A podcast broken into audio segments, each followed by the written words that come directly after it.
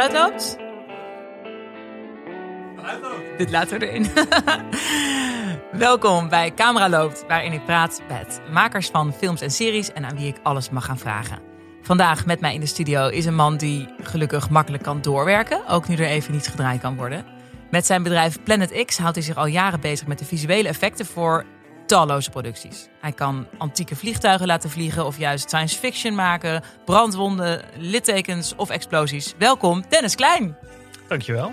Fijn dat je er bent. Ja, leuk. Ik vind het te gek hoe je eh, op de site van Planet X per productie laat zien wat jullie eh, gedaan hebben. Dus jullie moeten dat sowieso even erbij pakken. Ik raad jullie dat allemaal aan. Je kan met zo'n swipeje over een film, over een, een, shot, zie je dan wat jij er bijvoorbeeld hebt ingezet. Dat vind ik echt ehm, heel leuk. Jij bent dus ook niet bang om, om het maar naar buiten te gooien wat je precies doet. Nee, nee helemaal niet. Het tegendeel. Ehm, wat interessant is aan die, aan die breakdowns is dat je echt heel erg kan zien van waar we mee zijn begonnen en waar we uiteindelijk uh, op terecht zijn gekomen. Dus je ziet heel erg het proces van voor en na, om het maar even zo te zeggen. Um, en dat laat ook heel erg zien uh, nou, wat ons aandeel is geweest eigenlijk. Uh, ja. Daar zit natuurlijk veel meer achter dan wat je netto in die breakdown ziet. Maar je krijgt wel uh, een indruk van nou ja, wat, wat onze bewer of, ja, bewerking, om dat zo maar even te noemen, wat onze bewerking of ja. wat onze aandeel is geweest. En in welk stadium word je erbij gehaald? er is een script, er is geld voor een productie, een regisseur. op welk moment ga jij nou, de grap is natuurlijk dat, kijk, de, de filmmaakproces is eigenlijk een soort van klassieke drie-acter pre-productie, productie, postproductie. En de, uh, de verwachting is altijd dat visual effects hoort bij postproductie. Want, want het is iets wat hoort bij uh, dingen die je doet met beeld nadat je Ja, zoals hebt. kleurbewerken, geluidsbewerken, muziek. Exact, ja, precies. En kijk, strikt genomen zit daar ook wel een kern van waarheid in. In de zin dat je wij doen manipulatie op het beeld, bewerkingen op het beeld. Dus je hebt wel vaak gedraaid materiaal nodig om mee te kunnen werken. Alleen uh, visual effects gaat ook ontzettend over voorbereiden en over ervoor zorgen dat je goed ge, ge, geprept zeg maar begint aan die productie. En dat jullie het kunnen gebruiken. En dat wij het kunnen gebruiken, maar, maar ook, en dat gaat dan wat meer op het productionele vlak. Um, uh, wat, wat, wat, is het, uh, uh, wat is de ambitie? Wat is de vraag? En is dat allemaal haalbaar? Dat moet je allemaal in kaart gaan brengen. Dus om antwoord te geven op je vraag, eigenlijk op het moment dat er een scenario is, lezen we het al graag. En we zijn ook, en dat gebeurt, dat is een goede ontwikkeling, gebeurt steeds vaker, dat we zelfs tijdens het schrijven van scenario's al een draft toegestuurd krijgen om de haalbaarheid bijvoorbeeld te toetsen. Of om mee te denken van, goh, kan dit zo blijven? Of moeten we dingen anders gaan doen? Is het haalbaar of niet? Weet je, gewoon echt voor, voor advies ja. en voor input. Um, dus uh, eigenlijk heel, heel vroeg. Dus in, in pre-productie, soms nog voor pre-productie.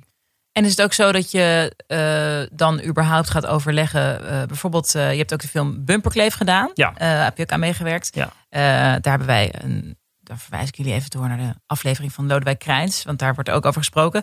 Um, zijn er dan ook dingen die jij bijvoorbeeld op een script al kan zien van hé, hey, maar dit kun je gewoon echt doen? Of hé, hey, maar dit hoef je helemaal niet moeilijk te draaien, want dit kan ik ook. Dus ja. misschien denkt een regisseur of producent ook al niet aan de dingen. Nou, wat, hoe het meestal werkt is, ik krijg een script gestuurd en dan uh, lees we het script en dan highlight ik alles, of lift ik alles uit het script waarvan ik denk, hier moeten we het even in ieder geval over hebben. Dus uh, uh, niet gezegd dat dat per se visual, met visual effects moet worden opgelost. Het kan ook op een andere manier worden opgelost.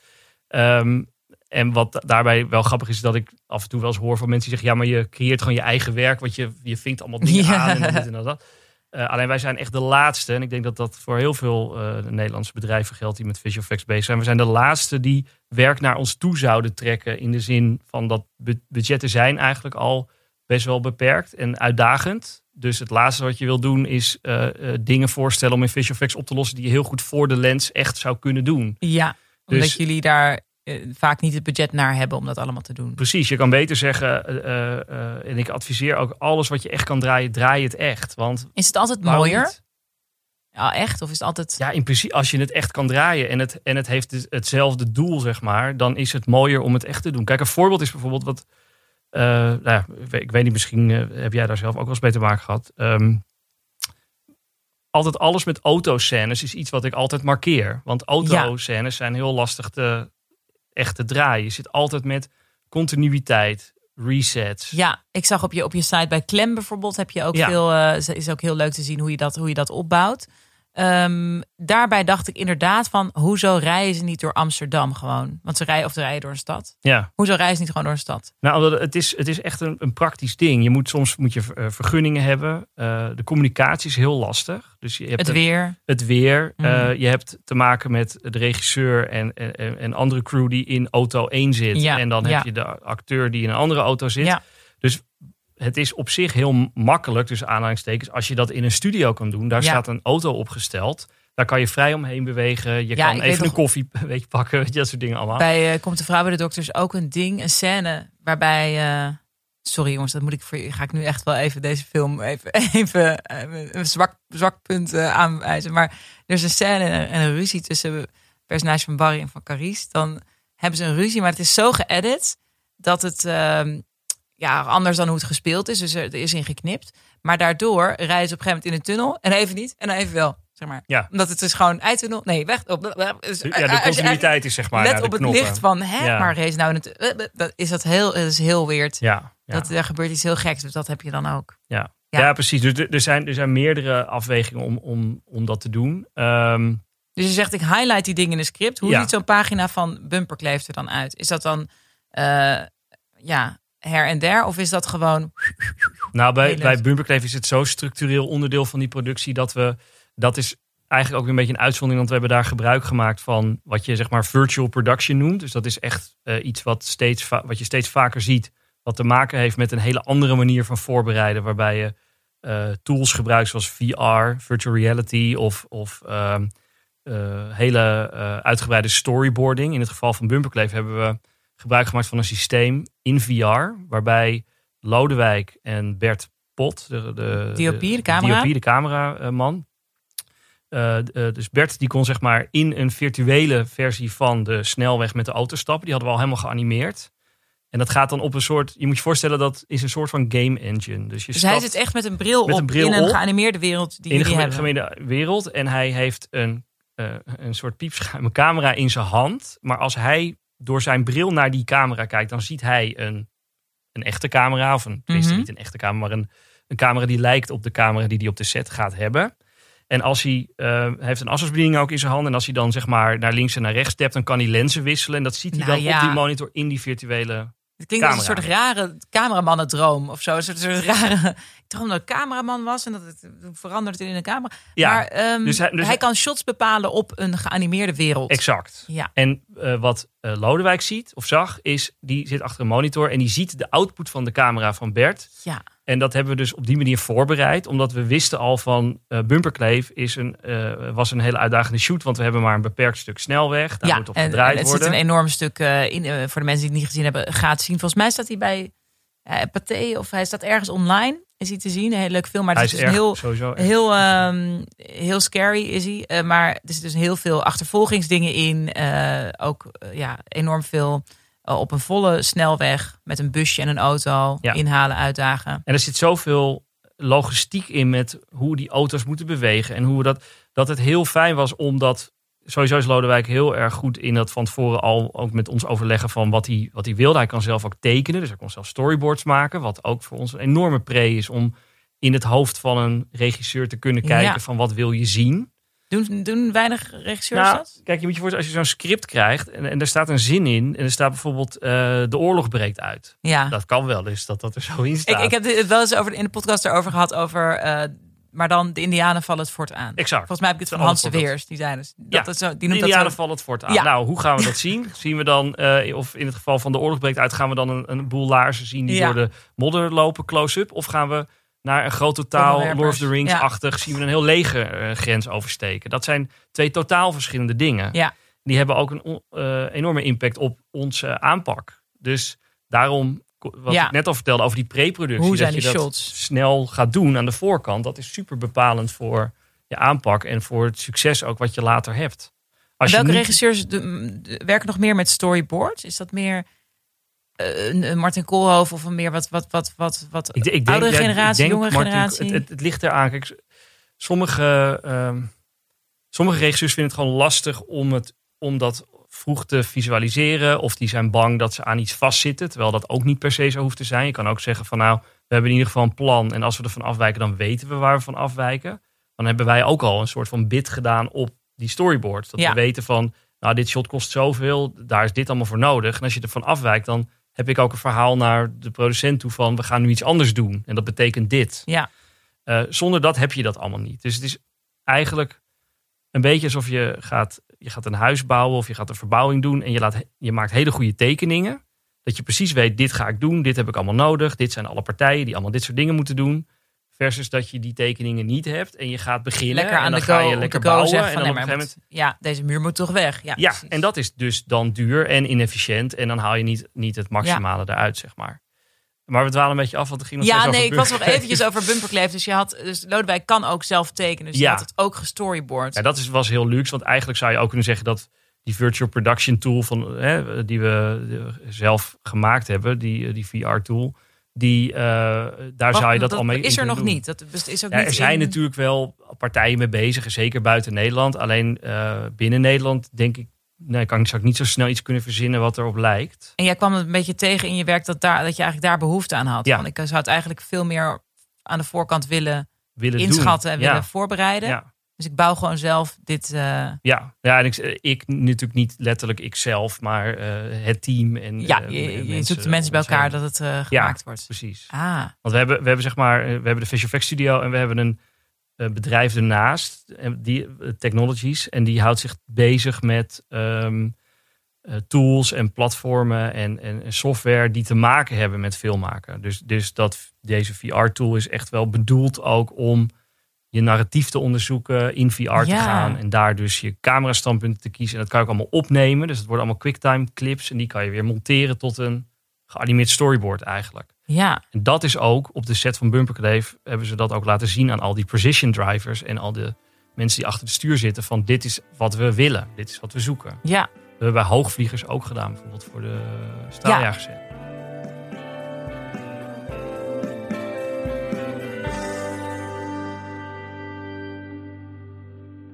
Hoogvliegers, ehm, dat is inderdaad, dat, dat viel me eh, op aan, aan je werk. Je zit echt lekker in de, in de vliegtuigen. Eh Klopt, ja. Op een gegeven dus- moment eh, ja. word je zo een soort van terug, teruggevraagd voor bepaalde. Ja. Hoogvliegers is een EO-serie van eh, onder andere regisseur Bobby Boermans.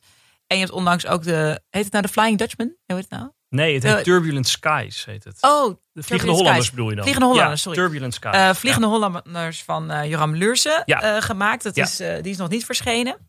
Ik dacht dat het Flying Dutchman heette, maar dat is dus Tur- Turbulent. Skies. Turbulent Skies. Oké. Dat klinkt natuurlijk, ik denk dat ze dat hebben gedaan omdat het wat dramatischer klinkt dan Ja, Flying Dutchman.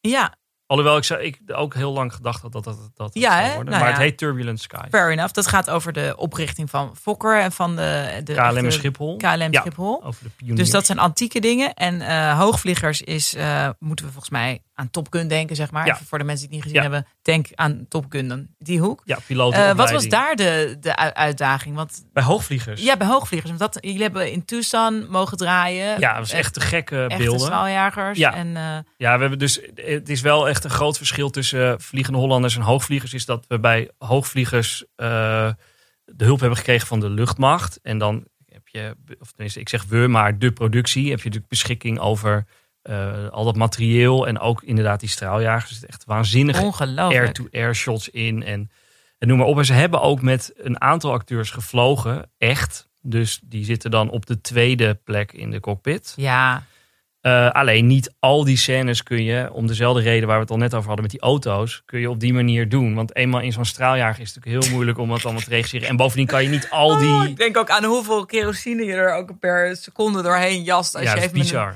met Ja. een straaljager heen en weer. En Ja. dat je dan niet Want echt dat makkelijk... kost ook, echt- ook echt bizar. Ja, wat even je een vlucht zegt, oké, terug naar één. We gaan weer eventjes... Ja, nou ja, de praktische kant, eh, inderdaad, wat je nu opschrijft, is natuurlijk ook precies een, een ding. wat op een gegeven moment wil je, je wil scènes eh, ehm, vertellen, zoals ze in het scenario staan. Dus dan ga je op een gegeven moment ook al nadenken over, eh, eh, oké, hoe kunnen we dat dan op een andere manier doen? En we hebben heel lang gedacht van, ah, we gaan een, een cockpit in een studio zetten en daar en daarachter doen we dan een, een, een bluescreen. En dan gaan we daar de luchten inzetten. Dat was eigenlijk het eerste Mhm. idee. Dat is een beetje de klassieke De opzet, klassieke van, opzet. van hoe je ook rijshots of vliegshots Ja, precies. kunt aanpakken. Ja.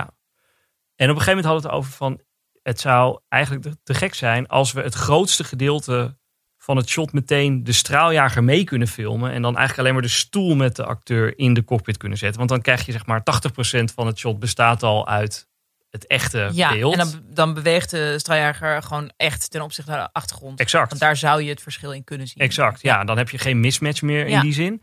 Eh, en dan moeten we ervoor zorgen dat we in de studio, eh, en dat, hebben, dat is uiteindelijk ook gebouwd, een gimbal hebben. Dus dat is een, ja, dat is een, wel een stukje van de cockpit met een stoel. En ehm, daar zit het bluescreen aan vast. En dan kan dat zeg maar gedraaid worden ten opzichte van het licht. Dus dan zie je de schaduwen ook bewegen. En dat moet dan gematcht worden aan de shots die we eerder, dat is ook heel belangrijk met auto's ook, dat je dat, je draait eerst de omgevingen en dan pas de studio. Want als je de studio ingaat, dan wil je weten wat voor licht er Ja, hoort bij de Precies. achtergrond en niet Bij het andersom. tijdstip van hoe je, wanneer je het Ja. opgenomen. Ja. Ja. Dus we hadden al die, die, die, eh, die straaljagerplates. Eh, dus dat is gedraaid in, inderdaad, in, in Arizona. ja, Leonard Hillige, DOP. Ja, Lennart Hillige en eh, Jeroen de Bruin. Oh, Jeroen de Bruin ook. En, en, en Bobby was inderdaad, die heeft het geregisseerd. Dat is een behoorlijke eh, klus trouwens, dat heeft hij goed gedaan. En wat we gedaan hebben in, in die straaljagers is een camera gemount. Dus je hebt hier de, de voorste stoel. Je hebt twee stoelen in zo'n cockpit. De voorste stoel is de straaljagerpiloot, de echte straaljagerpiloot. De tweede stoel, daar kan iemand zitten of niet. Nou, daar zat dan niemand. Het was een lege stoel. Daar hebben we een camera opgezet en die draaide eh, gewoon de lege cockpit. We hadden een, een bal, een halve bal, zeg maar, Mhm. grijs geschilderd en op de plek van het hoofd geplakt, zodat we konden zien hoe het licht daar dan precies opviel. Ah, ja. En een kleurenkaart, zodat je kan zien hoe de kleuren werken. En die plates zijn van tevoren al een soort van gemonteerd. En dat hebben we dus op de set uiteindelijk iedere keer met playback hebben we die plate afgespeeld en gekeken van hoe beweegt het licht. zijn. Ja, precies. En dat opgemet en daarna samengevoegd. Jeetje. Dit klinkt inderdaad als ehm, eh, helemaal niet van... Nou, we gaan eens even inladen wat ze op de set hebben gedaan. En we gaan er... eh, dit klinkt echt als eh, dat voorbereiding is key. Gewoon nog Absoluut. veel meer Ja. dan, Ja. Dan mensen misschien denken. Ja, nou, omdat je, je hebt eh, een beetje de flauwe, cliché-achtige eh opmerking. Misschien heb je hem ook wel eens op een set gehoord. eh, fix it in post. Oh mijn god, de- dat heb ik zo vaak gehoord. En dat is ook heel grappig, want dan... Dat is ook altijd over dingen die nog niet bedacht zijn van tevoren om in de post te doen. Nee, Want en, dat, en natuurlijk kan dat gebeuren. Je hebt een, je hebt een contingency, of noem het, een onvoorzien om, om, om, Ja. om dingen op te lossen. En er staat altijd wel een, een keer per ongeluk statief in beeld of iets anders. Alleen als je dat structureel gaat, als je visual effects of, of postproductie op die manier gaat gebruiken om puin te ruimen, is eigenlijk heel zonde. Ja, Je kan het veel beter benutten om. Ja, ik heb het idee inderdaad dat sommige mensen misschien ook denken dat het een soort Photoshop is van. eh, weet je, dat je op je foto eventjes eh, iets, iets wegpoetst. Ja, nou dat, kan Maar- het, dat kan het ook wel zijn. Alleen het, gaat al, het, het loopt heel snel op. Het is ook een soort discipline of een soort eh, ja, mindset die je eigenlijk binnen een productie niet wil. Je wil eigenlijk dat daar heel goed over nagedacht wordt. En alleen maar als het niet anders kan, of alleen maar in een soort van uitzonderingsgeval, dat er dan op die manier nog even wat mee gebeurt. Denk je dat we daarin lui zijn geworden omdat er meer kan? Zeg maar dat bij Hitchcock, eh, dat je, waar dat niet, hè, nog niet voorhanden was, dat je veel meer denkt van alles wat we nu draaien moet. Hè, moet, er, moet er staan, moet goed zijn, eh, alles hangt ervan af. Mhm. En dat je nu een beetje van, eh, wat ik bij modefotografie of zo wel het idee heb van, ah joh, dat Fixen we eh, later fixen wel. we later wel, Ja. dat er veel meer mogelijk is. Heb je het Ja. idee dat, je, dat mensen daarin een beetje Ja, het, verschuift? het, het, het, het, het, ja, het, wordt, het wordt geroepen of het gebeurt wel. Of het, of het meer is dan eerder, weet ik niet. Kijk, ehm, er, zijn ook, er zijn ook regisseurs die, die juist die controle over het beeld en wat ze er allemaal mee kunnen gebruiken als onderdeel van hun eh, toolkit, om het maar zo te zeggen. Om dingen heel precies te kunnen bijtikken. Eh, Mhm. Iets wat, wat, wat eh 10 of 15 of 20 jaar geleden heel moeilijk was, wordt nu veel toegankelijker en veel, hoe zeg je dat? Ehm, nou, niet logischer, maar goed, je kan, je, ja, je, het dus is gewoon voorhanden. Ja. het is voorhanden, dus je kan daar ook gebruik van maken. En dat, ja, als, je, als de productie daarin kan voorzien om dat te doen, is er niet zo'n groot probleem. Het gaat er vooral om als er niks voor bedacht is, of er is ook niks voor opgenomen in het budget. En dan wordt er de hele tijd geroepen, ah, dat laat het Ja. staan, het kost minder tijd om het in post te doen. En heel vaak is dat niet zo. En het geld is dan ook al op door de andere dingen die sowieso al gebeurd zijn tijdens het hele productieproces. Ja. Waardoor, eh, ja, precies. Ja. ja. Ja. Ehm, laten we even kijken naar hoe je eh, begint. Want dat staat heel ehm, mooi aan de hand van de Turbulent Skies eh, dingen op de site. Maar eh, dat het, eh, het aanpassen altijd gaat via tracking. Dus dat jullie iets op het beeld moeten hebben als aanknopingspunt en dan iets erop, uh, nou ja, erbij maken. Hoe, Ja. hoe, eh, hoe bepaal je die, die- dat tracking? Hoe werkt dat? De tracking, ja, de tracking is eigenlijk dus ehm, als je iets toevoegt aan het beeld en je, en je zorgt er niet voor dat het, dat het zeg maar eh, meegaat in de camerabeweging op een goede manier of onderdeel is van de ruimte waarin dat, eh, waarin dat element zich zou moeten bevinden. Dan is het hetzelfde als een filmtitel die gewoon over het beeld staat. En dan, ja, dan beweegt de Ja. camera erachter langs. Maar dat heeft dan niks te maken met dat dat object vast in het beeld voelt, zeg maar. Nou, dat proces heet matchmoven. Dus je gaat eh, eigenlijk, en er, zijn allerlei verschillende eh, eh, tools voor, maar je doet het met software die in ieder beeld dezelfde punten opzoekt. En dan dus per beeldje kijkt van oké, dit punt zie ik in het volgende frame ook, in het volgende frame ook. En op die manier kan er een, een, een, een virtuele camera eigenlijk gecreëerd worden. En die virtuele camera, daarmee schiet je als het ware opnieuw alles aan wat je digitaal wil toevoegen aan het shot. Dat klinkt Ja, maar het- abstract misschien, maar dat eh, dus in het geval van een, om een concreet voorbeeld te noemen, als je, eh, we staan op een weiland en we, we, maken, we, we lopen met de, ka de cameraman of vrouw heeft de camera op zijn schouder en die loopt dat weiland in en die maakt ook eh, een penbeweging van links naar rechts en daar moet later een vliegtuig in komen. Dan wil je die camerabeweging eigenlijk helemaal eh, nabootsen met in software, in Visual Effects. Zodat als je die, dat vliegtuig gaat toevoegen, dat hij precies op, zijn, op de plek blijft staan. En kan hij wel zijn eigen beweging hebben, maar dan gaat hij wel mee in Ja. de camerabeweging. die move moet je dan al weten. En, eh, en daarop pas je, ja, pas je aan wat je daar laat, laat landen. Ja, dus dat, en dat is eigenlijk een apart, dat is een apart proces. Want sommige films hebben, eh, die hebben honderd of honderden shots. En eigenlijk wil je dat voor ieder shot in meer of mindere mate moet dat gebeuren. Dus- oh my god, ja, wat een werk. Ja. Ja, dus je hebt, je hebt zeg maar match move en scene layout. Dus dat is zeg maar een beetje samen. Je zorgt ervoor dat je een, een, een eh, in, in, vaak in 3D die, die, die, die omgeving nabootst. En die camerabeweging ook nabootst. En alles wat je daar dan aan toevoegt gaat mee met de camerabeweging. Dus een soort virtuele... Ja, je, je, je, je reproduceert de camerabeweging die op de set is gemaakt eigenlijk nog een keer na. Ja. eh, voor ons doel. Is dit ook ehm, waar, eh, waar de, ja, ik denk nu hier zijn gewoon de grootste stappen ingezet de laatste tig jaar. Als je nu een Marvel film ziet of wat, wat heb ik, weet ik veel, een Doctor Strange is ook een Marvel, dat er gewoon een auto voor, voorbij vliegt of wat dan ook. Al die dingen zijn natuurlijk, het is meer technisch vernuft eigenlijk dan, dan eh, ja, dat het daar de grootste sprongen in zitten. Dan in het verhaal of in. Ja, oh, precies. Nou, kijk, wat, wat, wat ik ook wel interessant vind, is even los van dat er ook wel qua eh, artistry, of hoe noem je dat? Gewoon qua eh, wat er in zo'n Marvel-film gebeurt Mhm. aan, aan creativiteit en aan, aan ontwerp en allemaal dat soort dingen. Dat is, dat is echt wel op, natuurlijk op een, op een enorme schaal en ook op, op, op een bepaald niveau. Het is ook een enorme managementklus om zo'n film af te krijgen. Ja. Want daar werken honderden mensen aan die allemaal een klein deeltje doen van zo'n productie. Dat matchmoven, wat ik je net vertelde, is maar één ding. Maar je hebt ook mensen die zich alleen maar bezighouden met, eh, met simulatie. Of alleen maar met het modellen of het tekstje of het kleuren of het belichten. Dat zijn allemaal losse specialisten. Die allemaal van elkaar afhankelijk zijn in de goede volgorde voor ieder Het onderdeeltje. wordt zo moeilijk gemaakt, zoiets technisch. Het is echt een. eh, voor, hoe, voor hoe je het eh, beleeft. Want we nemen heel veel dingen nu maar voor granted. Denk van, oh ja, ik denk even terug aan een scène in Black Panther. In een, waarbij ze in een soort eh, busjes elkaar achtervolgen. Heb je Ja. Panther gezien? Ja, in ja, ja, ja, stad ja, en een gevecht op en in busjes. En dan denk ik, ja, je, je bent gewoon ook verwend als kijker. Dan denk ik, ja, dan vliegt dat zo. En dan vliegt hij erop en dan springt hij erin. En dan komt het op me afgeschoven. En Ja, dan- maar er zit allemaal Eh, toch oh heel veel mijn denkwerk God. achter. En heel veel, eh, als het goed is, heel veel voorbereiding om dat te bedenken, te storyboarden, te previssen. Dus dat is, een geanimeerd storyboard van maken. Dan ga je naar, op de set ga je kijken hoe gaan we dat dan doen. Ja. En moet er een stuk set komen of niet? Want dat is Ja. ook altijd een interessante vraag van eh, met een production designer.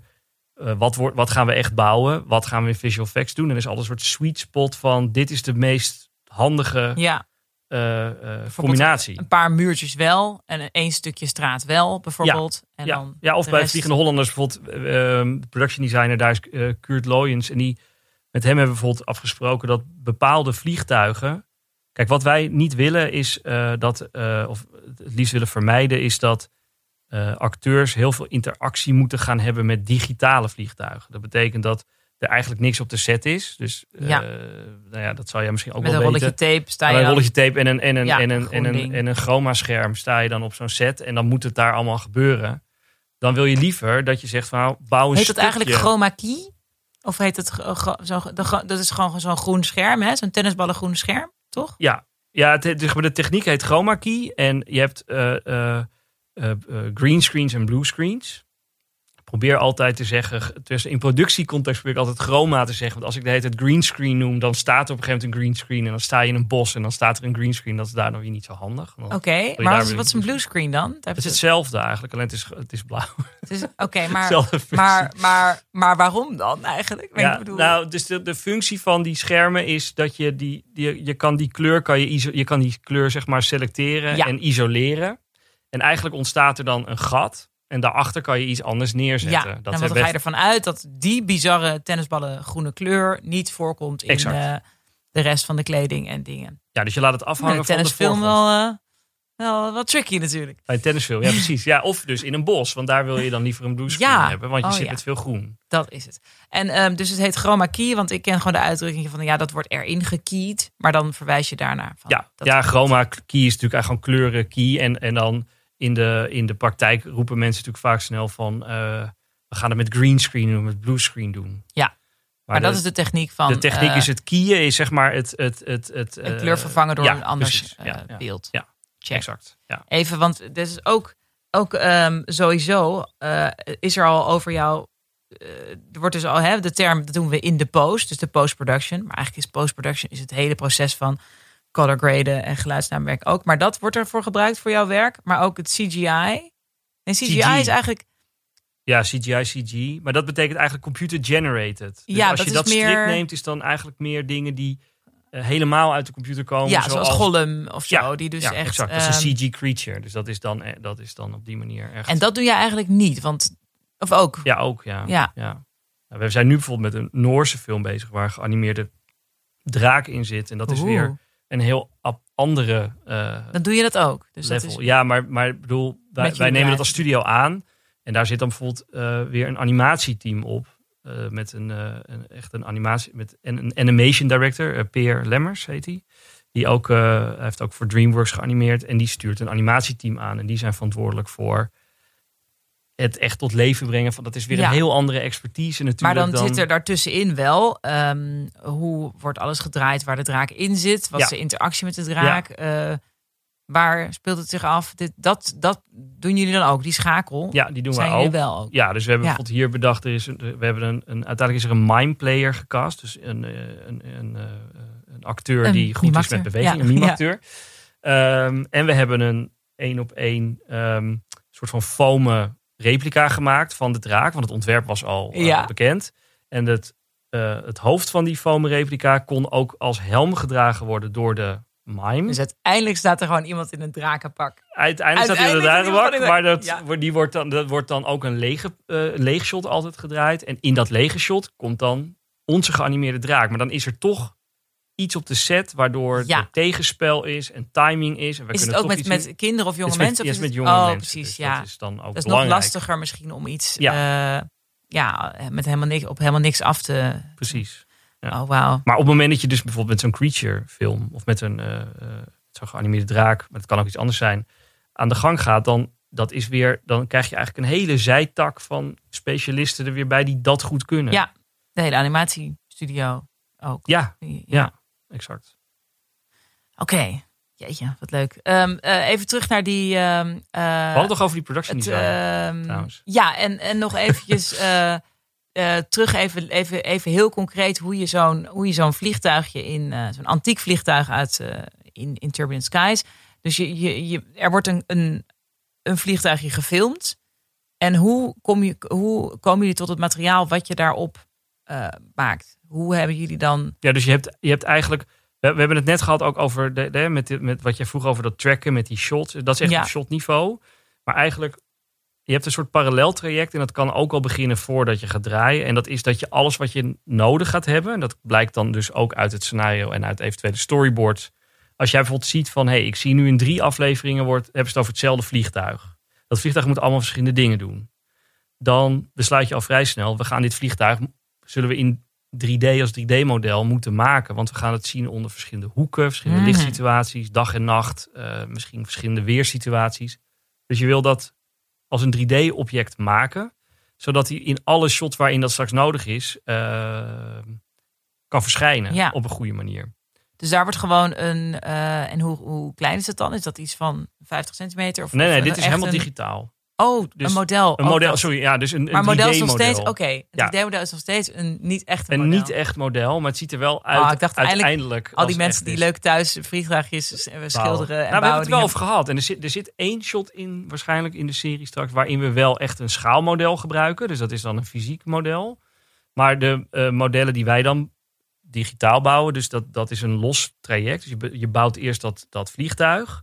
En dan daarna, want jouw vraag is dan eigenlijk meer van om een schaalmodel in een shot te krijgen. Zeg maar. Nee, dat dacht ik toen je zei model, dacht ik aan, oh, jullie hebben dus een schaalmodel, wat je dan allemaal kanten filmt of zo. Maar je hebt gewoon een digitaal model, je hebt gewoon eigenlijk een, eh, ja, in de computer helemaal zo'n vliegtuigje gemaakt, wat je Ja. alles kan laten doen, Ja, zodat je het vervolgens kan laten Ja. acteren. Zeg maar. exact. Ja. Dus dat, dat wordt, wordt eh, we gaan eerst research doen. Dus je gaat eerst kijken naar bouwtekeningen, referenties. We hebben ook Allemaal foto's van die allemaal, oude dingen. allemaal Ja. archieffoto's. Overigens eh, hebben we ook heel veel gehad aan dingen die we gevonden hebben met bijvoorbeeld kleurstalen van de verf die gebruikt is op die vliegtuigen. Dat zie je allemaal niet in die zwart-wit foto's. Oh ja. Dus welke En staat er nog zoiets ergens in Lelystad bij dat Ja, ja, ja, eh. Aviodroom? Die staan er nou ook nog. Dus jullie bent er zelf ook nog gaan, eh, gaan neuzen. Ja, op het moment dat wij een vliegtuig vinden wat, wat nog bestaat en wat er nog goed uitziet, maar waar je natuurlijk verder voor zijn opname niet zoveel meer mee kan doen, dan fotograferen we dat vliegtuig ook van alle kanten echt met duizenden foto's. En dan kan je met ehm, bepaalde software kan je daar een 3D-model al als een soort van Ja. basis uit eh, eh, destilleren. Dat is wel heel grof, maar je hebt wel qua proporties en formaten en zo heb je dan al wel iets wat waarvan je weet van, oh ja, dit zijn de goede eh, specs als het ware. En Ja. daar overheen ga je dan in met meer detail ga je een echt 3D-model maken. Dan ga je materiaal aan toekennen en de goede textures aan toekennen, zodat het er echt uitziet. Ja, En dan pas ga je het eigenlijk per shot in het shot zetten. Dus je gaat eerst die, dat bouwen van al die onderdelen, dat is een ding wat je eerst specifiek doet. maken, ja. En dan pas ga je het toepassen op shotniveau.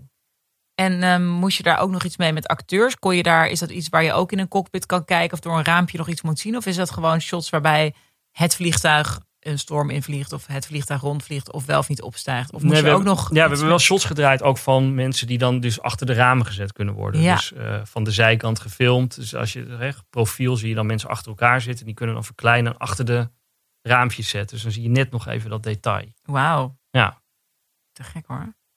Jemig. Ehm, ja, en inderdaad, er zitten zoveel aspecten aan, aan jouw werk. Dus het is even, even in kaart brengen wat het allemaal is. Er is ook nog het good old eh, explosiewerk en eh, branden en op, dingen op laten blazen en zo. Ja. Ehm, eh, is dat echt heel leuk ook? Het lijkt me wel heel leuk dat je gewoon zo zonder enige materiële of fysieke schade aan, aan mensen of personen, dat je toch dat even je zo kan opblazen. Ja, nou, er, er, is, er, is, er is eigenlijk, dat heeft wel een enorme vlucht genomen. Ook wel een beetje door die Marvel films waarbij hele steden natuurlijk eh, kapot gaan. Ja, zeer veel schade wordt gemaakt overal. Ehm, dat je ehm, met, zeg maar, met simulaties en met, en met software die gespecialiseerd is in demolition en dat soort dingen. Dat zijn ook weer mensen die daarin gespecialiseerd zijn. Eh, dingen mensen die in een ander tijdperk echt hele nare Dingen mensen zouden waren, doen, hele nare weet. waren geworden. Maar die kunnen nu perfect aan de, aan de slag in de demolition. Ja, nou, dus we hebben binnen ons team bijvoorbeeld iemand die eh, helemaal gespecialiseerd is in wat we dan effects noemen. Dat is lekker verwarrend, want we doen visual effects, maar daarbinnen heb je dus effects. En dat is alles met regen, vuur, water, elementen, zeg maar. Ja, Explosies, dat soort dingen. Ehm, en dat bouw je eigenlijk op door middel van eh, allerlei eh, ja, natuurkundige eigenschappen. En de computer maakt dan een soort simulatie daarvan. Dus als jij een gebouw hebt, dan hou je al rekening mee als je dat gebouw gaat maken, dat het uit elkaar kan vallen, dat je de binnenkant kan zien. Dat moet dan ook allemaal gemaakt worden. En dan met bepaalde parameters kan je zeggen van, nou, de zwaartekracht is dit, de force is dit. En dan krijg je eigenlijk een simulatie. Ja, Ja. precies. kaboom. Ja, en, dat, en wat wat je ook kan doen, dat, en dat is een andere, dat wordt dan niet in de computer gecreëerd, is dat je bijvoorbeeld een explosie filmt op een, op een andere locatie. eh, tegen zwarte achtergrond bijvoorbeeld. En dat je die explosie dan in een ander shot verwerkt. Ja. Waar er wel eh, acteurs en Ja, spullen Ja, involved exact. zijn. Ja. precies. En ehm, we hebben ook een aflevering gedaan met Marco Maas, eh, een van de, van de stuntmensen van Nederland. die gewoon echt op de explosies zitten en zo. Zie jij als jij iets kijkt, dan waarschijnlijk niet een Nederlandse productie, want dan weet je misschien te veel af. zie jij altijd eraan af of het eh, echt is of uit een, uit een effectsding? Nee, ik, nee, je ziet het niet altijd, maar ik kan wel, en misschien jij ook wel, dan toch wel weten van eh, de logica van, dat, Ja, van de ja. context van het shot. Dat ik denk van ja. ja, dat, nee, dat hebben ze niet zo gedaan. naast. Precies. Never. Ja. En als er, kijk, je hebt ook een soort suspension of disbelief. Dus eh, eh, als je Game of Thrones kijkt en er is een vuurspugende draak, draak, dan ziet dat er super goed uit. En dat vuur ziet er echt uit, zal wel een echt element zijn. Alleen, ja, de context is natuurlijk totaal fictief. Dus Ja. het, het ligt ook aan de mate van de kwaliteit waarop het gedaan is. En ik heb niet, nee, ik heb niet altijd eh, meteen dat ik zie van, oh, dit, dit, is, eh, dit is visual effects opgelost. Of, eh, maar meestal aan de context dat je dan weet van, nou ja, dit kan niet echt gedraaid zijn op die manier. Ja, ja grappig. Ehm, nou, dat vind ik ook alweer, ook alweer leuk om te weten. Dat je dus inderdaad niet... Het kan ook dat je... Dat, daar zijn we echt voorbij. Voorbij die tijd van Titanic 1997. Dat, je dus, dat was heel wat, hè? Dat je die Titanic op, Ja. op de zee zag. Nou, Ja. als je het nu ziet. Je denkt echt van, mijn god, het, dit Ja, kan elke peuter op een iPad eh, maken. Ja. Niet waar, maar eh, ja, nu is dat heel Dat groeit blokkig. mee. Dus je, je, je, je, je grens van wat je, wat je goed vindt of wat je geloofwaardig vindt, groeit ook mee. Want ik was zelf echt super onder de indruk ooit van. Ik weet nog dat ik de, de, de, eh, naar Jurassic Park ging in de bioscoop. Ja. Was wel jong.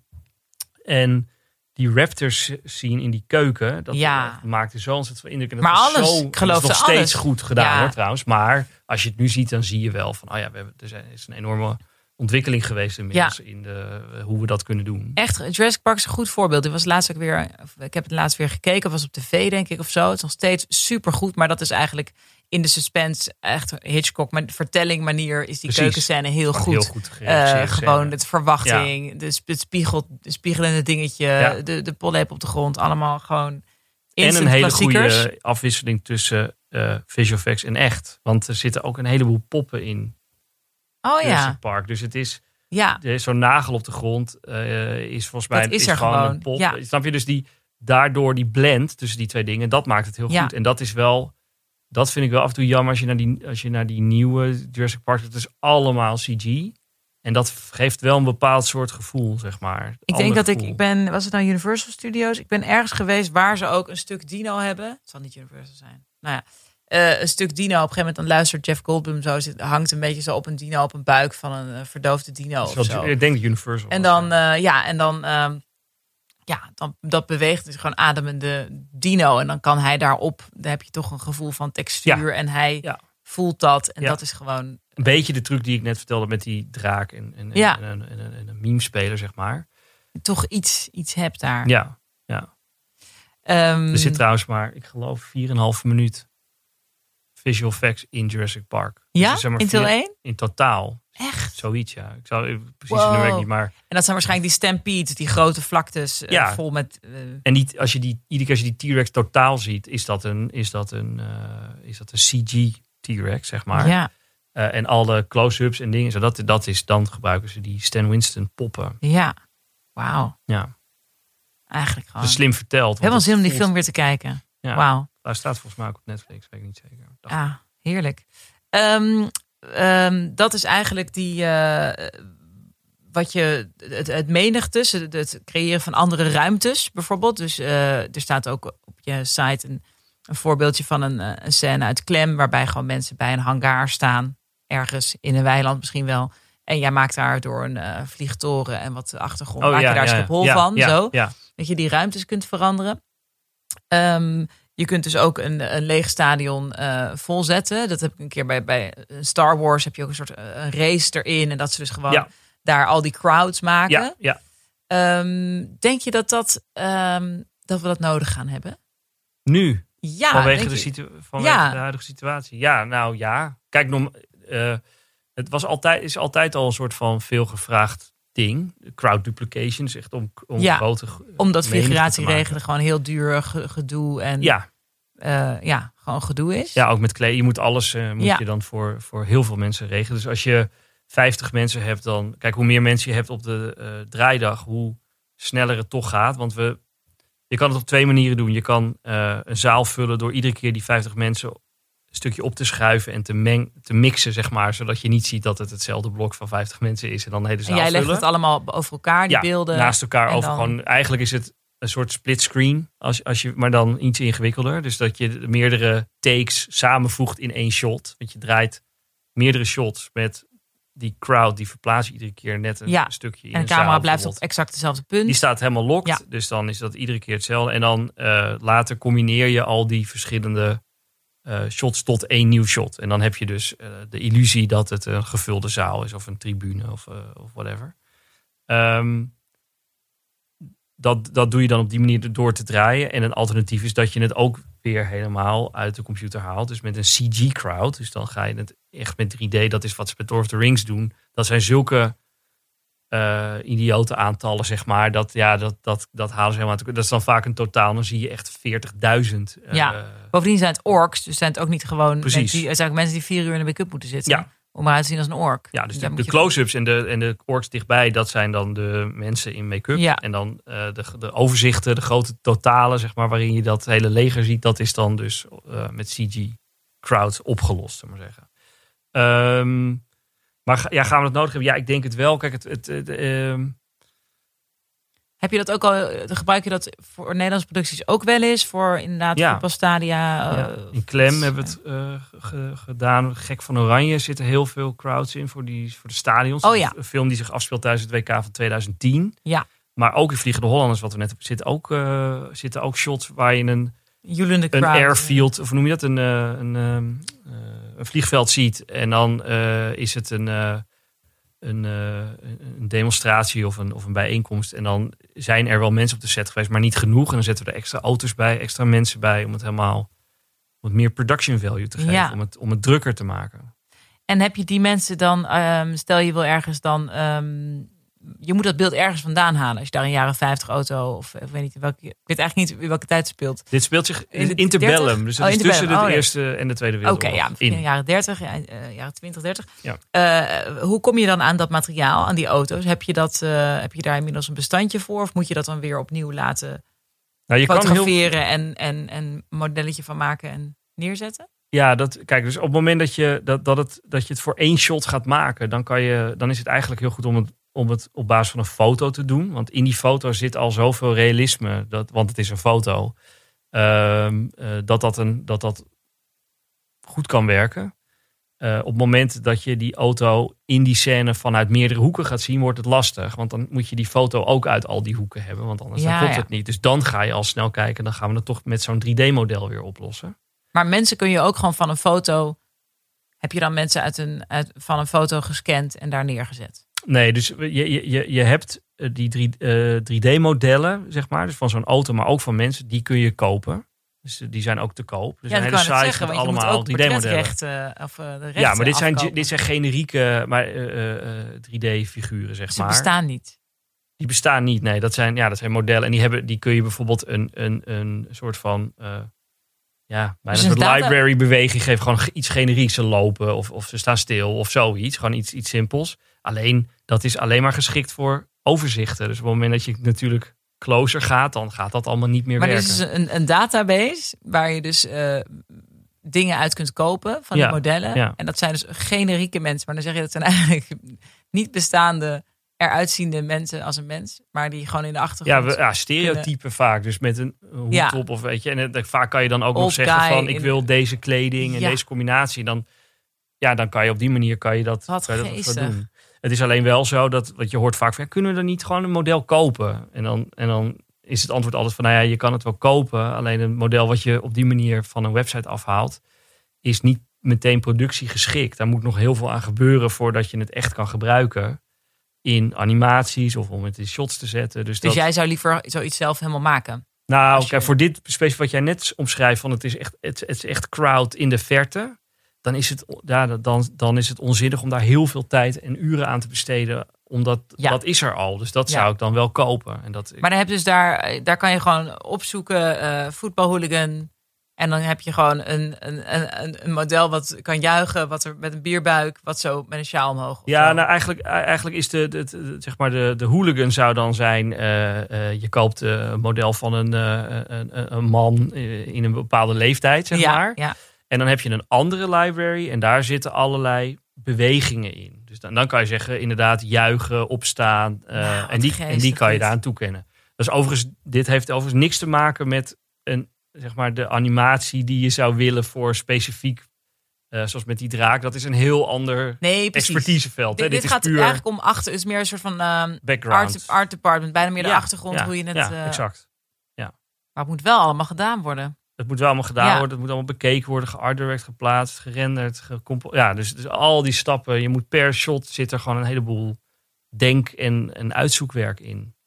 En dat uiteindelijk, als al die elementen zijn samengekomen en we, en we hebben een shot waarvan wij zelf denken eh, met het team: oké, dit is klaar om aan de klant te laten zien, dan gaan we dus een sessie boeken. En dan komt de regisseur en soms eh, meestal de editor is erbij. Soms ook eh, de DP. Dus Mhm. kamerman, Ja. kamervrouw komen, komen ook eh, eh, daarbij. En dan gaan we met z'n allen naar die shots kijken.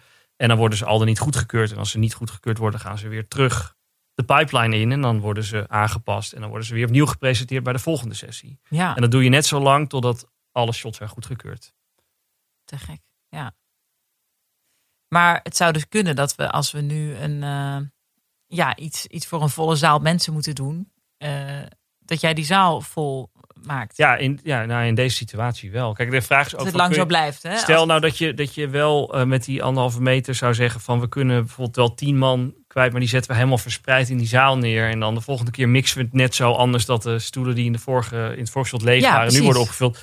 Ja, dat, maar dat wordt ook wel een hele tijdrovende klus dan om dat goed Ja. te doen. Je krijgt het nog drukker. Want voorheen kon je die crowds in ieder geval nog als een blok bij elkaar zetten. Dat ja, is dan nu precies. ook Of nog, eh, ja, dus dat moet je dan echt door elkaar doen. Ja.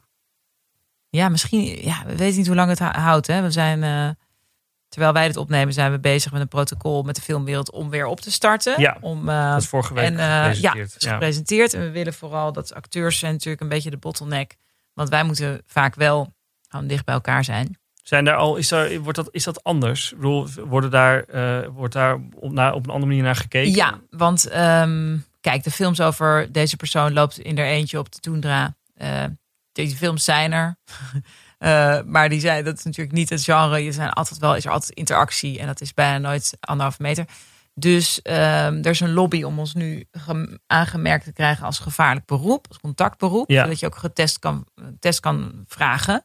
Eh, testbeleid wordt al versoepeld. Maar het zou bijvoorbeeld kunnen zijn dat je zegt van nou, ehm, ik wil getest worden en ik wil dat mijn collega ook getest wordt. En dan ehm, blijf ik tot aan mijn draaidag. En tussen die uitslag en de draaidag blijf ik echt thuis. En dan ga ik gewoon echt niet. Geen contact ook geen boodschappen doen. Nee. Ehm, en dat je dan bijvoorbeeld een paar dagen achter elkaar ehm, eh, filmt. Want vaak is die productie ook een beetje gatenkaas omdat je per locatie doet. Maar als je echt per acteur eh, plant, dat je meer die blokken zo plant. Dat je weet, van, nou, deze acteurs gaan nu al die scènes in het kantoor. Of nee, alle acteurscènes eh, gaan we nu achter elkaar draaien. Is niet meer, geen gatenkaas, niet lang verspreid. Ja, Ehm, dat zou kunnen. Dan moet Ja. je dus eh, zelf eh, oké zijn met... hey, mijn collega heeft... We moeten natuurlijk... Het gaat niet eens over zoenen of intieme scènes. Het gaat gewoon over bij elkaar zijn. dialoog praten met elkaar. Ja, Dialogen, ja, ja, praten. en. Eh, en eh, En zou jij daar bereid toe zijn om dat te doen? eh, een ja, zeker als ik weet dat eh collega dat niet heeft en dat ik het ook niet heb. Ik, getest is wel fijn. Ik zou het zonder test eigenlijk niet willen aangaan. Want je kunt wel denken van, ehm, dat vond ik ook een beetje jammer. Er is een nieuwsuur-item, ehm, eh, waardoor we een beetje overkwamen als, ja, joh, we kijken wel en we vinden het gewoon allemaal leuk. Kijk, wij vinden het allemaal leuk. Ik zou dit werk ook. Ik, ik, ik ben nu ook best wel aan het rouwen om mijn werk. Van hoe jammer, want het was zo leuk. Wat heb ik het toch leuk gehad? Ik Ja. leuk, hoe leuk is het Ja. om op een set te staan? Ja, ja. Ehm, dus ik vind het heel jammer en ik zou dit werk, ik vind het zo leuk. Ik zou het gratis doen. Ik zou het, eh, ik, ik weet je, ik heb geen, geen grenzen. Gelukkig een agent, dan krijgen we nog iets voor. Anders dan zou, het is gewoon zo leuk dat je overal ja op zegt. Dus als je aan een acteur vraagt van, oké, wil je alsjeblieft, weet je wel, heb je zin om weer te draaien? Ben je oké? Dus een acteur zegt in principe altijd ja, want hij wil gewoon filmen. Dus daarom denk ik juist dat het goed is dat we met z'n allen eventjes als heel volwassen daarnaar kijken van, hé, hey, we willen niet een beetje de cowboys van de maatschappij zijn met, ah, fuck is joh, eh, ik voel me fit, ik ga het gewoon doen. Dus dat, ja, dat vind ik toch een beetje onverantwoordelijk. Als al die mensen in andere sectoren allemaal eh, netjes aanpakken. Dat En doen. als Ja. we eh, dat netjes willen doen, het kan ook gewoon zijn dat je je goed voelt en dat je iets overdraagt. En dan nou, heb ik toch de moeder van mijn collega op de IC geholpen. Dat zou ik toch ja, niet willen. ja, Dus ik zou zeggen, ik hoop dat acteurs getest kunnen worden. En dan kun je op, met crew kun je nog dingen gaan doen. Je kan een regisseur verderop zetten, walkie-talkies, schermen. Daar hebben we op zich nu een heel mooi protocol voor. En acteurs zijn een beetje die bottleneck. Maar met testen en dan, eh, dan je wereld even klein houden, even een beetje quarantaine, denk ik dat het wel moet gaan lukken. Ik heb, ik heb twee producties gelezen dat ze, eh, heb jij misschien ook wel gezien, dat eh, één productie die gebruikt een soort armbandsysteem met color coding. Ja, met zones. Hè? Met zones, ja, best ja. wel slim. En een andere productie, volgens mij een remake van Pet Cemetery van Stephen King, dat verhaal. Die is gewoon met de hele crew zijn ze gewoon in quarantaine gegaan. Oh, super. Maar Nederlands? nee, Nee, oké. ik nee. denk ik, Amerikaans. ik heb het ook inderdaad, eh, BBC heeft dit eh, ook al voorgesteld. ja. Volgens mij, er stond een foto bij van Piggy, Blinders voor het, bij het artikel. Maar inderdaad, die gewoon zegt: deze cast en crew gaat drie maanden in dit hotel zitten, naast deze studio. Je hebt geen leven meer, alleen maar het hotel. Je en je helemaal aan die productie Oeh, van. Ja. Het wordt natuurlijk een groot zomerkamp daar. ja, ja. Maar ehm, daar, dat lijkt me ook lijkt mij te gek. Maar wel slightly onhoudbaar als je bijvoorbeeld een gezin hebt. Of ehm, ja, het is niet, niet zo leuk. Je moet het wel kunnen bolwerken met de rest van je leven om drie maanden volledig van de kaart wel te zijn. realistisch zijn. Ja, ja. Maar ehm, eh, vond ik erg eh, leuk. Lijkt me erg, erg leuk eigenlijk. Ja. En ook goed misschien wel je voor de bent al, concentratie. je bent met een, hè, met een shoot ben je toch al, als je bijvoorbeeld naar Hongarije gaat of zit, zo, ja. dan zit je al, dan die, dan zit je al in al die zo situatie bijna. Ja, precies. Dus ik Ja. vond dat, vind ik dat ook wel werkbaar. Alleen in Nederlandse producties zijn niet vaak in de studio zoveel. Dus dan heb je toch altijd wel dat je scènes hebt in de stad of in de. Ja. Dus dan, is, dan werkt dat niet. Maar dingen die je in de studio kan doen, of die daar veel zijn. Inderdaad, zoiets als ehm, Hongarije, waar je echt gewoon een hele grote set nabouwt en waar je gewoon alles gaat filmen.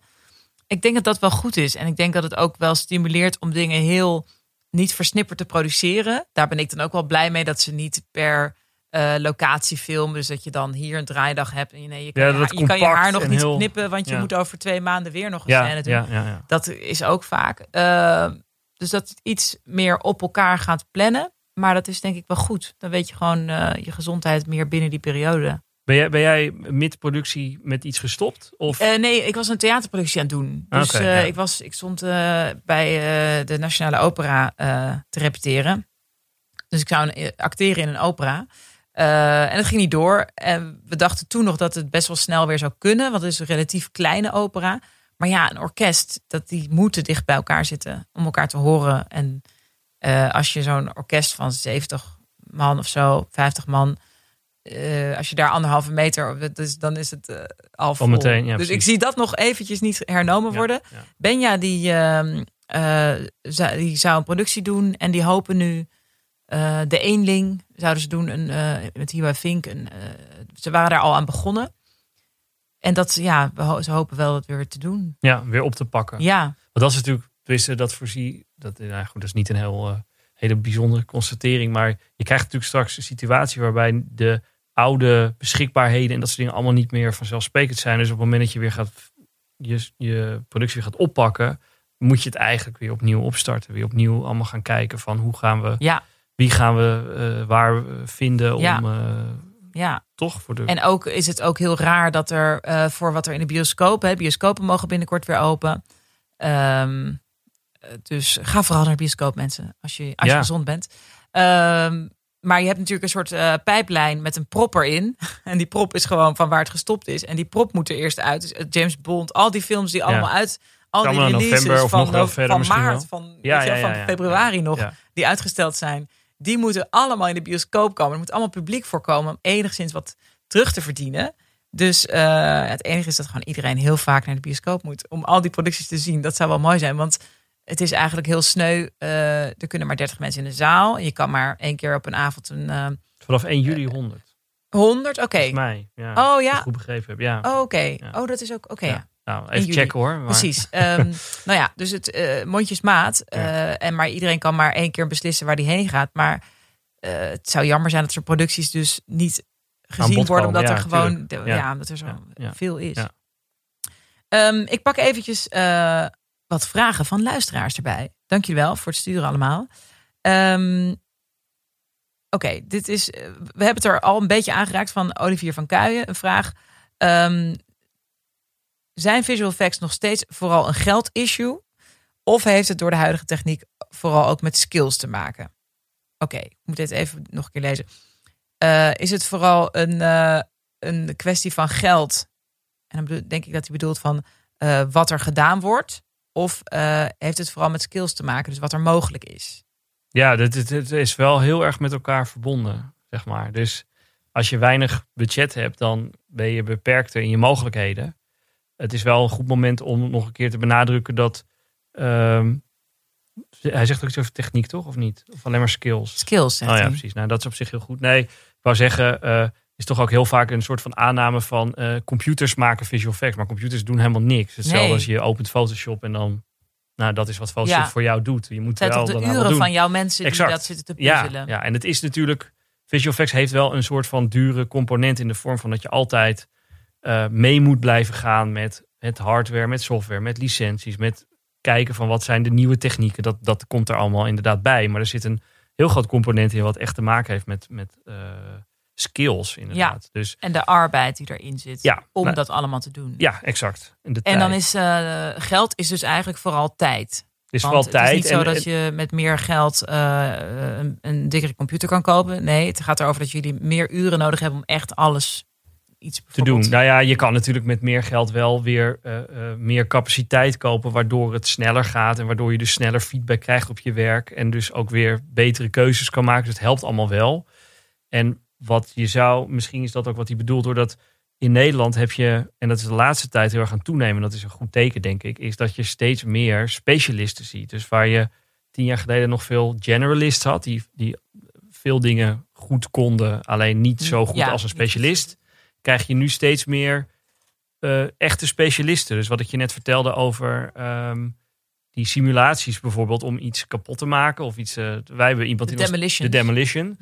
Eh, wij hebben iemand in ons team die dat fulltime doet. Dus die, maar die maakt niet alleen maar, eh, eh, die doet niet alleen maar demolition, maar die doet bijvoorbeeld ook ervoor zorgen dat er een vliegtuig door de regen vliegt. En die maakt dan een regensysteem waardoor dat water op een realistische manier door de propellers gaat en allemaal dat soort dingen. Er zijn bij iedere productie is er wel behoefte aan zoiets. Nu. Ja, Ook Nederlandse producties. dus dan kan, als je specialiseert, kun je dus Of ook iedere weer groeien in maar goed, iets. ja. Eh, als je Ja. Één, één Piro-persoon hebt, dan gaat hij gewoon ook alles kunnen met vlammen Ja. altijd. Ja, en dat is ook waarom die visual effects van die grote blockbusters er over het algemeen goed uitzien.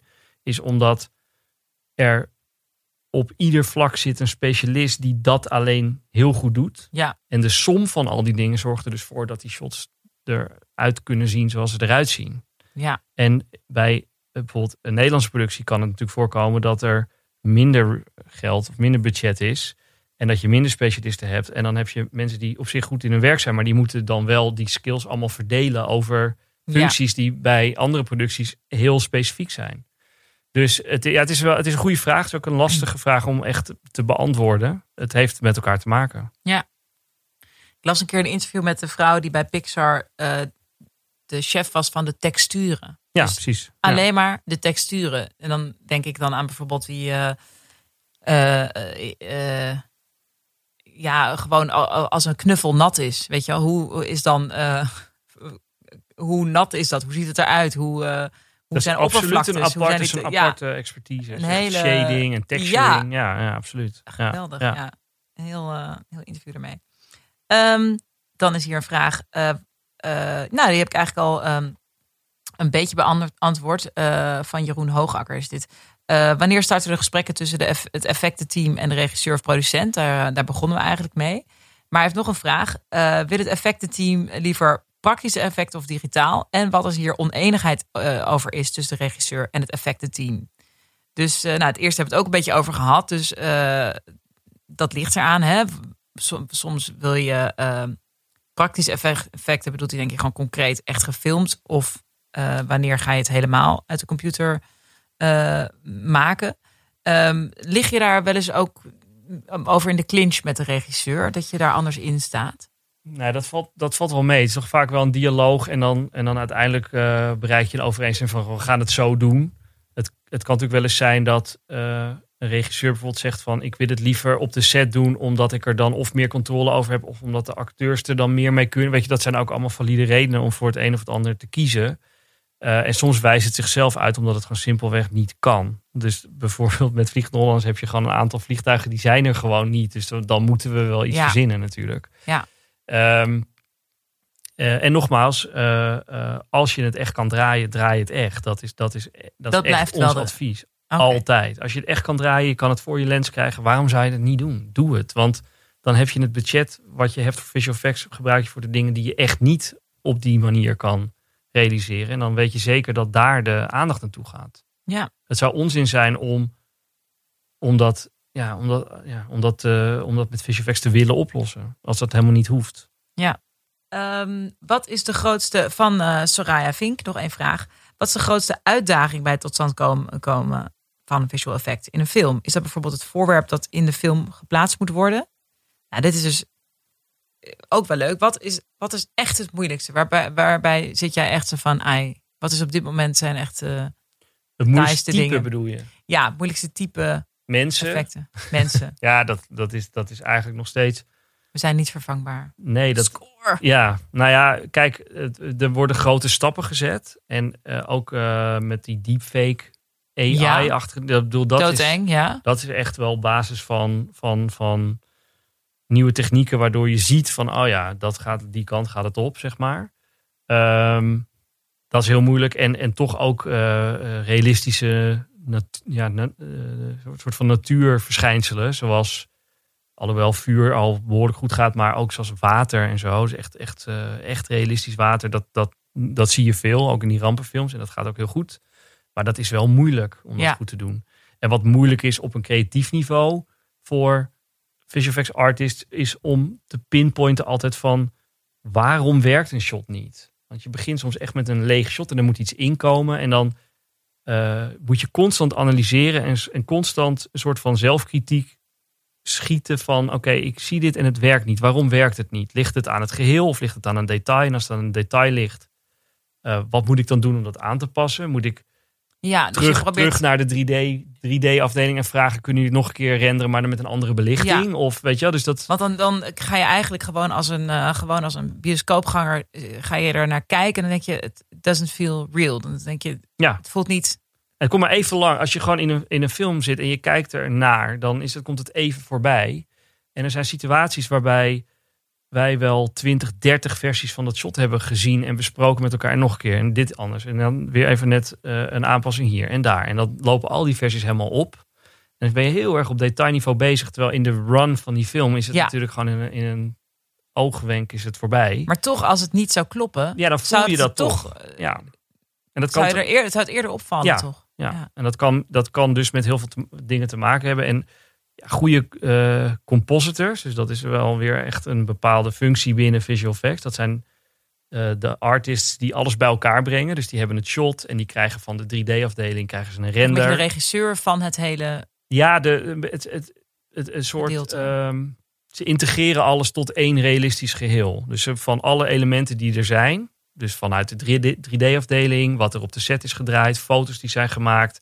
Soms stok of iets anders. Proberen ze één, één Ja, nieuw ja. shot te maken. En daar moet je echt een oog voor hebben. Dus dat is, dat, dat is echt een- bijna Dat zijn een de soort compositors. schilder. Dat zijn compositors, ja, ja. de dirigenten van het. eh, Ja, ja. om dat, om dat Ja. samen te brengen. En ehm, waar zijn jullie nu mee bezig? Nu deze, in deze tijd. Het is. eh, Nou, we hebben geluk dat er een heleboel producties wel al klaar waren met draaien. Dus we zijn nu bezig met Vliegende Hollanders dus. Eh, we zijn bezig met Dragon Girl, dat is die film met die draak. Ehm, dus het komt ook uit het buitenland? Of is het ja, dit is, dat is een, ja, dat is een Noors-Nederlandse co-productie. Oké. Eh, we zijn bezig met de film van Alex van Warmerdam, nummer Oh. 10. Is dat ook waar hij voor wat al gefilmd is? Of is Ja. het? Oh ja. Ja, dat is al gedraaid. We zijn bezig met Sija, dat is ook een jeugd, jeugdfilm, maar dan uit Finland. We zijn bezig met Klem, dat is een tv-serie. Ja. En Zee van Tijd, dat is een film van Teun Boermans.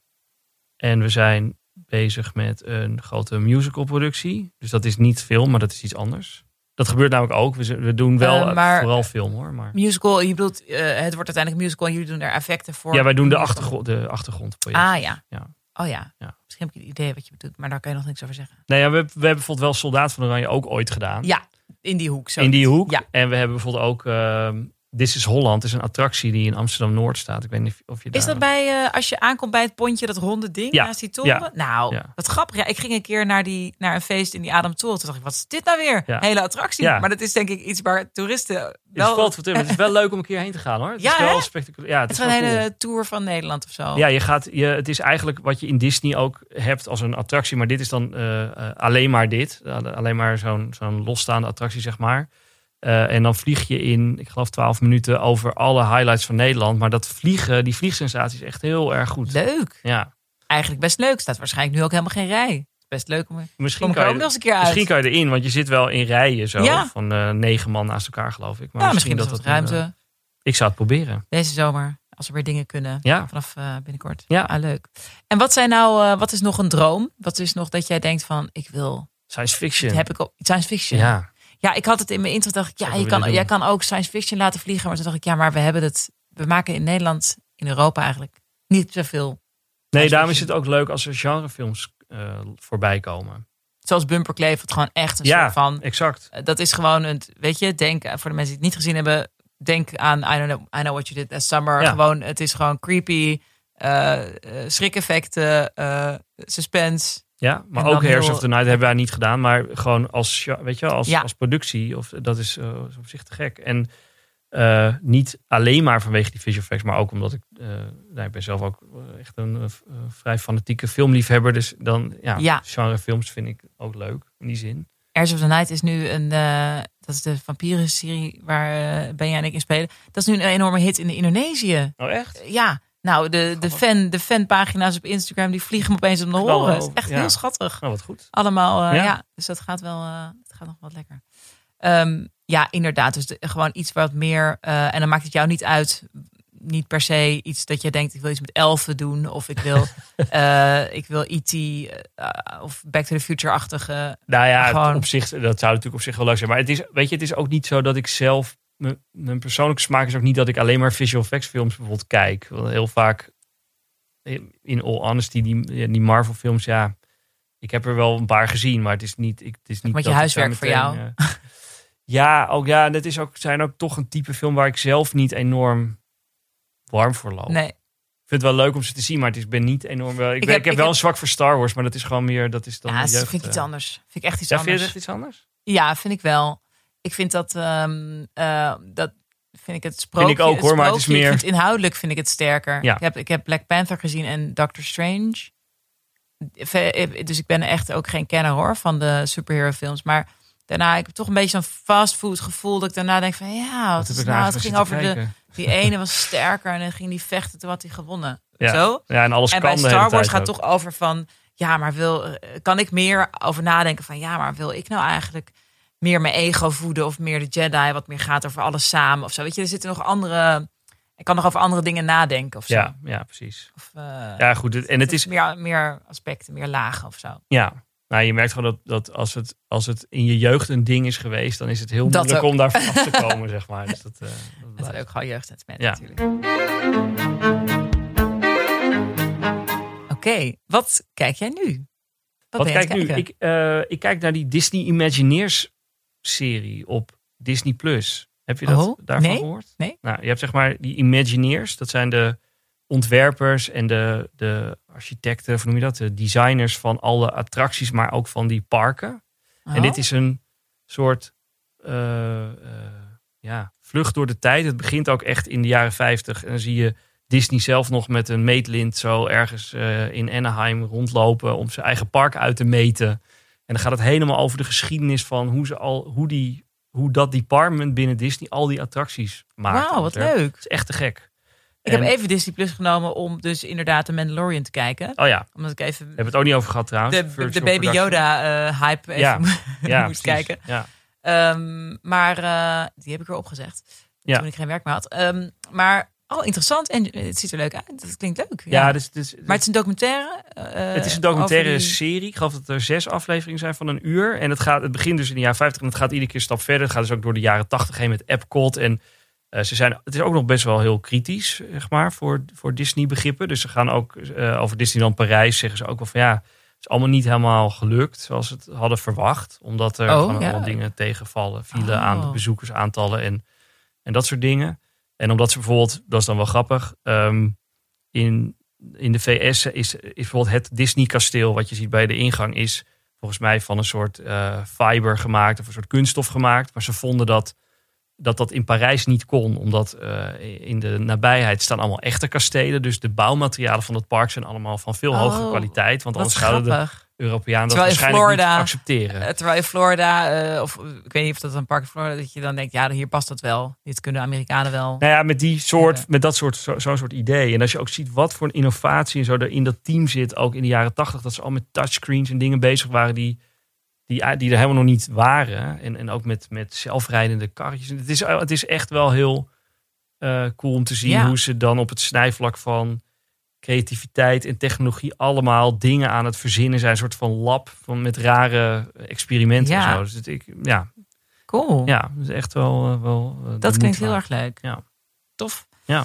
Ik, ehm, ik heb een Orthodox gezien op Netflix. Maar ik ben nu aan het kijken, eh, waar ik ook iedereen ook ben. Ook, het is helemaal niet origineel, niet bepaald origineel. Maar The Last Dance aan het kijken. Over het eh, Chicago Bulls team in 97, 98. Volkert, ik zie jou knikken. Ben je dat te kijken ook? Volkert heeft het ook aan het kijken. Nou, ik vind het dus heel... eh, ik heb het nog niet af, maar het is een docu-serie ehm, eh, over het succes van de Chicago Bulls Hmm. in de jaren 90.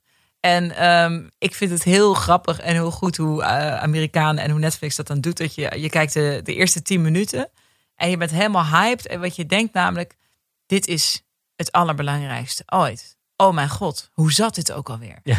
Terwijl ik dus, ehm, ja, het gaat dus over basketbal. En het gaat over, weet je, ze doen werkelijk alsof het het, het allerbelangrijkste. Je gelooft gewoon na 10 minuten dat Michael Jordan de belangrijkste persoon is die er ooit geleefd heeft. Ik zie wel heel veel langskomen inderdaad. Ja, op social media van mensen die het aan het kijken Dus zijn. dit is de belangrijkste persoon die er ooit heeft bestaan. Geleefd heeft. Ja.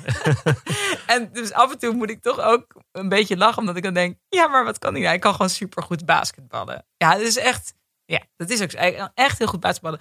En hij was ook, zoals een paar andere sporters in de geschiedenis, groter dan de sport. Want een enorm eh, icoon. toch? hele middelbare school, iedereen had opeens zo'n Chicago Schoenen. Bulls op je e-spec genaaid. Ja, weet je wel. Eh, Het was ook echt ehm, eh, een reden om, net als dat Tiger Woods, dat mensen opeens golf gingen kijken. Ja. Nooit een golf kijken of zo. Maar hij opeens, Tiger Woods is dan opeens iemand die zo'n sport, of Max Verstappen misschien nu. Ja, ja. Dus een paar mensen die dan opeens zo'n sport helemaal ehm, eh, ja, maken en opnieuw uitvinden. Dat is heel cool daaraan. Dus het is heel tof om te kijken. En af en toe denk ik ook, haha, het gaat maar over basketbal. Maar omdat je gewoon zo hyped bent met, oh my god, dit is geschiedenis.